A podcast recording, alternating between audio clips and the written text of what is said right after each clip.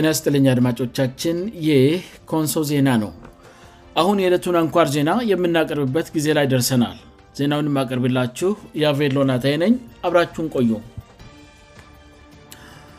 አርስት ዜናዎቹን በማስቀደም የዕለት ሐሙስ ናሀሴ 26 ቀን 2014 ዓም አንኳር ዜናዎችን አሰማለሁ ስጠበቅ የነበረው የኮንሶ ምሁራን ዓመታዊ የምክክር ጉባኤ ዛሬ በይፋ መጀመሩ ተገለጸ በኮንሶ ዞን በኩል ወደ 40 ምንጭ በህገ ወጥ መንገድ ሲጓጓዝ የነበረ 11 ኩንታል የቡና ምርት በቁጥጥር ሰር ዋለ በኢትዮጵያ አየር ክልል ከተመታው አውሮፕላን ጋር በተያያዘ የየትኛውም ሀገር ስም አልተጠቀሰም ስሉ በሱዳን የኢትዮጵያ ኤምባሲ አስታወቀ ከ2000 በላይ በሆኑ ንቦች የተነደፈው አሜሪካዊ ከሳም በኋላ ነብስ ዘራ ፖላንድ ጀርመን በሁለተኛው ዓለም ጦርነት ወቅት ላደረሰችባት ጉዳት ካሳ እንድትከፍል ጠየቀች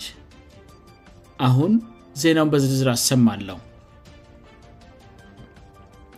ሲጠበቅ የነበረው የኮንሶ ምሁራን ዓመታዊ የምክክር ጉባኤ ዛሬ በይፋ መጀመሩ ተገለጸ በጉጉስ ሲጠበቅ የነበረው ሁለተኛ ዙር የኮንሶ ምሁራን የምክክር ጉባኤ ዛሬሐሴ 26 ቀን 201 ዓም በይፋ መጀመሩን የውይይቱ ተሳታፊዎች ለኮንሶ ዜና ገለጹ ውይይቱ በባይል አባቶች ቡራኬ ከተከፈተ በኋላ በዞን አስተዳደር አመራሮች በኩል የእንኳንደና መጣችው መልእክቶችን መተላለፋቸው ተገልጿል ዛሬን ጨምሮ ለመጪው ሶስት ቀናት የሚሆኑ የውይይት አጀንዳዎችም በአስተዳድሩ በኩል ይፋ ተደርገዋል በዚህም መሰረት በዞን መንግስት በኩል ለምክክር ጉባኤው የቀረቡት አጀንዳዎች የሚከተሉት መሆናቸው ተገልጿል አ በባለፈው ዓመት ጉባኤ ወቅት ተግባራዊ እንዲደረጉ የተቀመጡ ጉዳዮች የአፈፃዘም ሪፖርት ሁለተኛ አዲሱ የክልል አደረጃጀት ና በአዲሱ የደቡብ ኢትዮጵያ ክልል አደረጃጀት ውስጥ የኮንሶ ህዝብ ፍትሐዊ ተጠቃሚነት ሶስተኛ ዘላቂ የዞኑ ችግሮች ለምሳሌ ጥታ ድርቅና ረሃብ ፖለቲካ የማህበራዊ ሚዲያ አሉታዊ ተጽዕኖው ወዘተ አራተኛ የኮንሶ ምሁራን ማህበር መተደሪያ ደንብ ሰነድ እናም አምስተኛ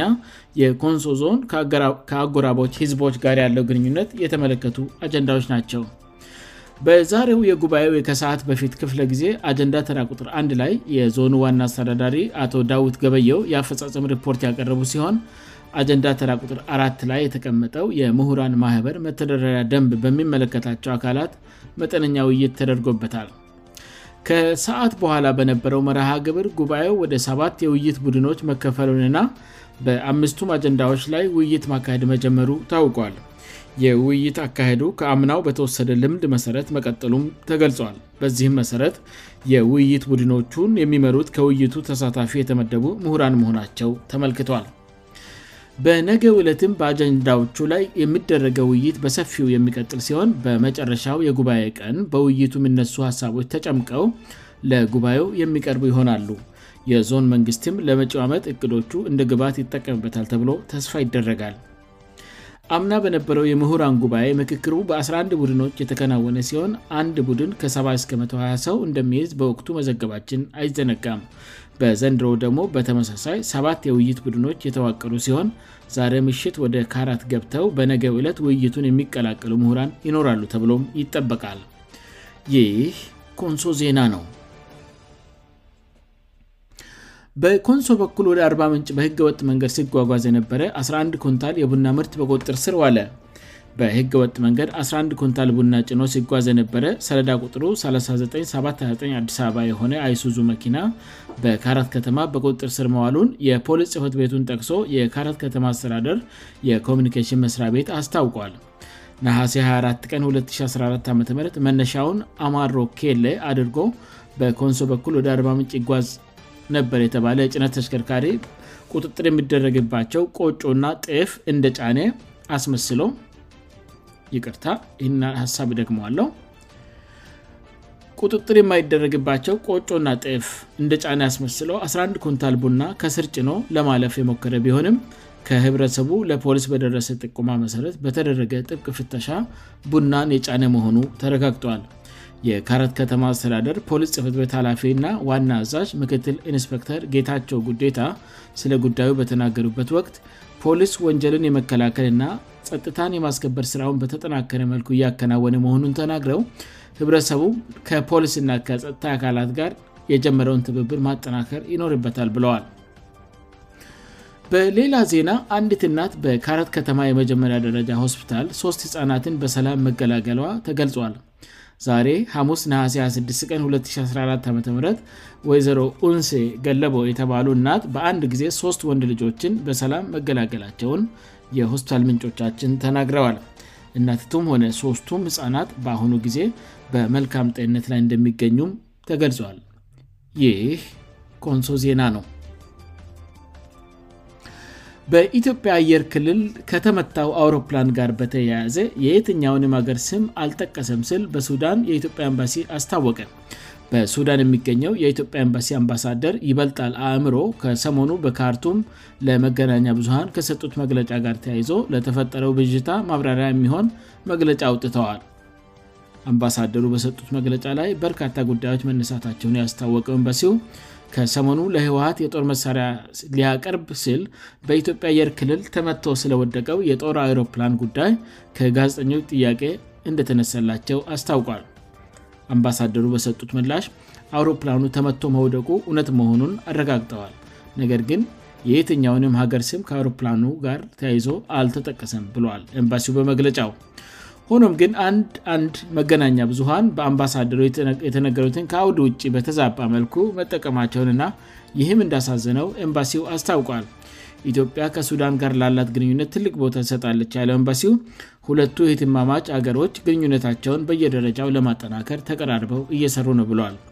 የኢትዮጵያ መከላከያ ሰራዊት ከፍተኛ አመራሮች በሳለፍ ነው ሳምንት በሱዳን በኩል የኢትዮጵያን አየር ክልል በመጣስ በህወሀት ቁጥጥር ስር ወዳሉ የትግራይ ክልል እየበረረ የነበረ አውሮፕላን መምታቱን ተናግሮ ነበር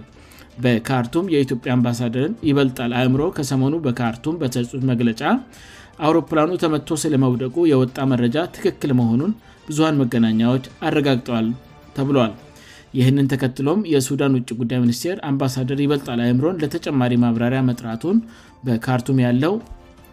ሚዲያዎች ዘግበዋል በሱዳን ውጭ ጉዳይ ሚኒስቴር የአፍሪካ ጉዳዮች ዳይረክተር አምባሳደር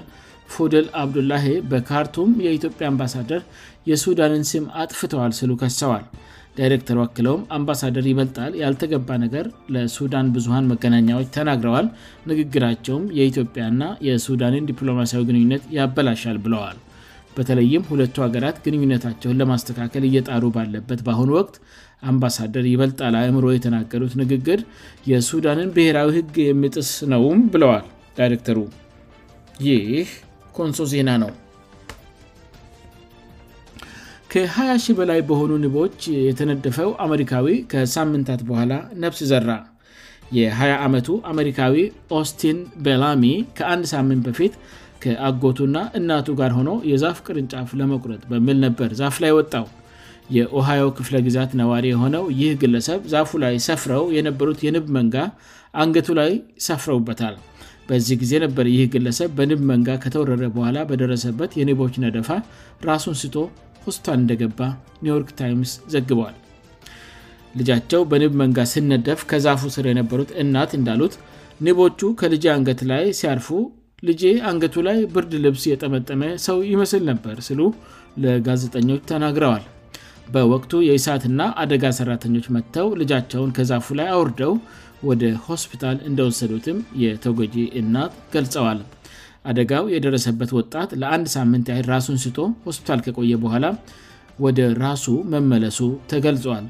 አንድ ሰው በአንድ ጊዜ ከአስር በላይ በሆኑ ንቦች ከተነደፈ የማስመለስ ተቅማት እና የስምት መረበሽ ልሰማው እንደሚችል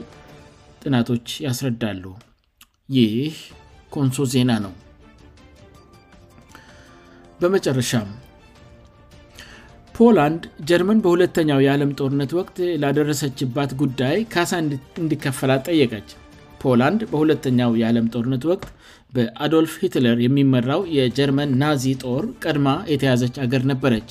እንዲሁም በ አሜሪካ የሚመራው ህብረት የጀርመን ናዚ ጦርን ሲያሸንፍም ፖላንድ በድጋሚ የጦር ሜዳ ሆናም ነበር የሁለቱ ቡድን ባካሄዱት የጦርነቱ መጀመሪያና መቋጫ ላይ ብርቱ ክንድ ያረፈባት ፖላንድ የዓለም ጦርነት ቀስቃ ጀርመን በመሆኗ ካሳ ልትከፍለኝ ይገባል ስትል ገልጻለች ፖላንድ ጀርመን በቆሰቆሰችው ጦርነት 13ትየንዶ ክሳራ ስለደረሰብኝ ካሳ ልትከፈለኝ ይገባል ማለቷን የሀገሪቱ ገዚ ፓርቲን ጠቅሶ ሮይተርስ ዘግበዋል የአውሮፓ ህብረትና የኔቶ ዋነኛ ጋር የሆነችው ፖላንድ ለጀርመን ይህንን ጥያቄ ማቅርቧ በአውሮፓ ህብረት ትብብር ላይ እንቅፋት እንዳይፈጥር ተሰግተዋል ጀርመን በበኩሏ የመጀመሪያውም ሆነ ሁለተኛው የዓለም ጦርነቶች በወቅቱ በተደረጉ ስምምነቶች አማካይነት ተቋጭተዋል ብላለች ፖላንድ ከ3 ዓመት በፊት ጀርመን 850 ቢልዮንዶር እንድትከፍላ ጠይቃ ነበር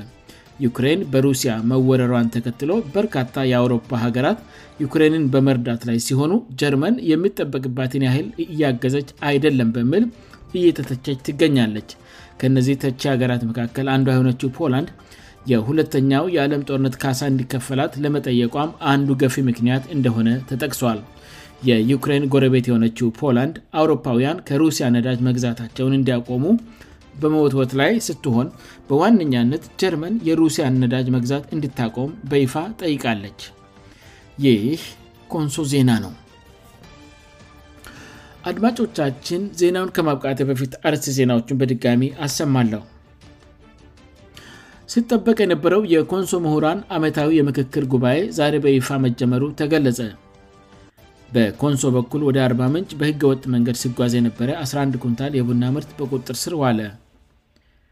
በኢትዮጵያ አየር ክልል ከተመታው አውሮፕላን ጋር በተያያዘ የየተኛውም ሀገር ስም አልተጠቀሰም ስሉ በሱዳን የኢትዮጵያ ኤምባሲ አስታወቀ ከ200 በላይ የሆኑ ንቦች የተነደፈው አሜሪካዊ ከሳምንት በኋላ ነብስ ዘራ ፖላንድ ጀርመን በሁለተኛው የዓለም ጦርነት ወቅት ላደረሰችባት ጉዳት ካሳ እንዲከፈላ ጠየቀች ዜናው በዚያ በቃ አድማጮቻችን የዕለቱ አንኳር ዜናዎቻችን ይህን ይመስሉ ነበር ስላዳመጣቸውን እናመሰግናለን ኮንሶ ዜና በቀጣይም በተመሳሳይ ዝግጅት እንደሚጠብቁት ተስፋ ያደርጋል እስከዚያው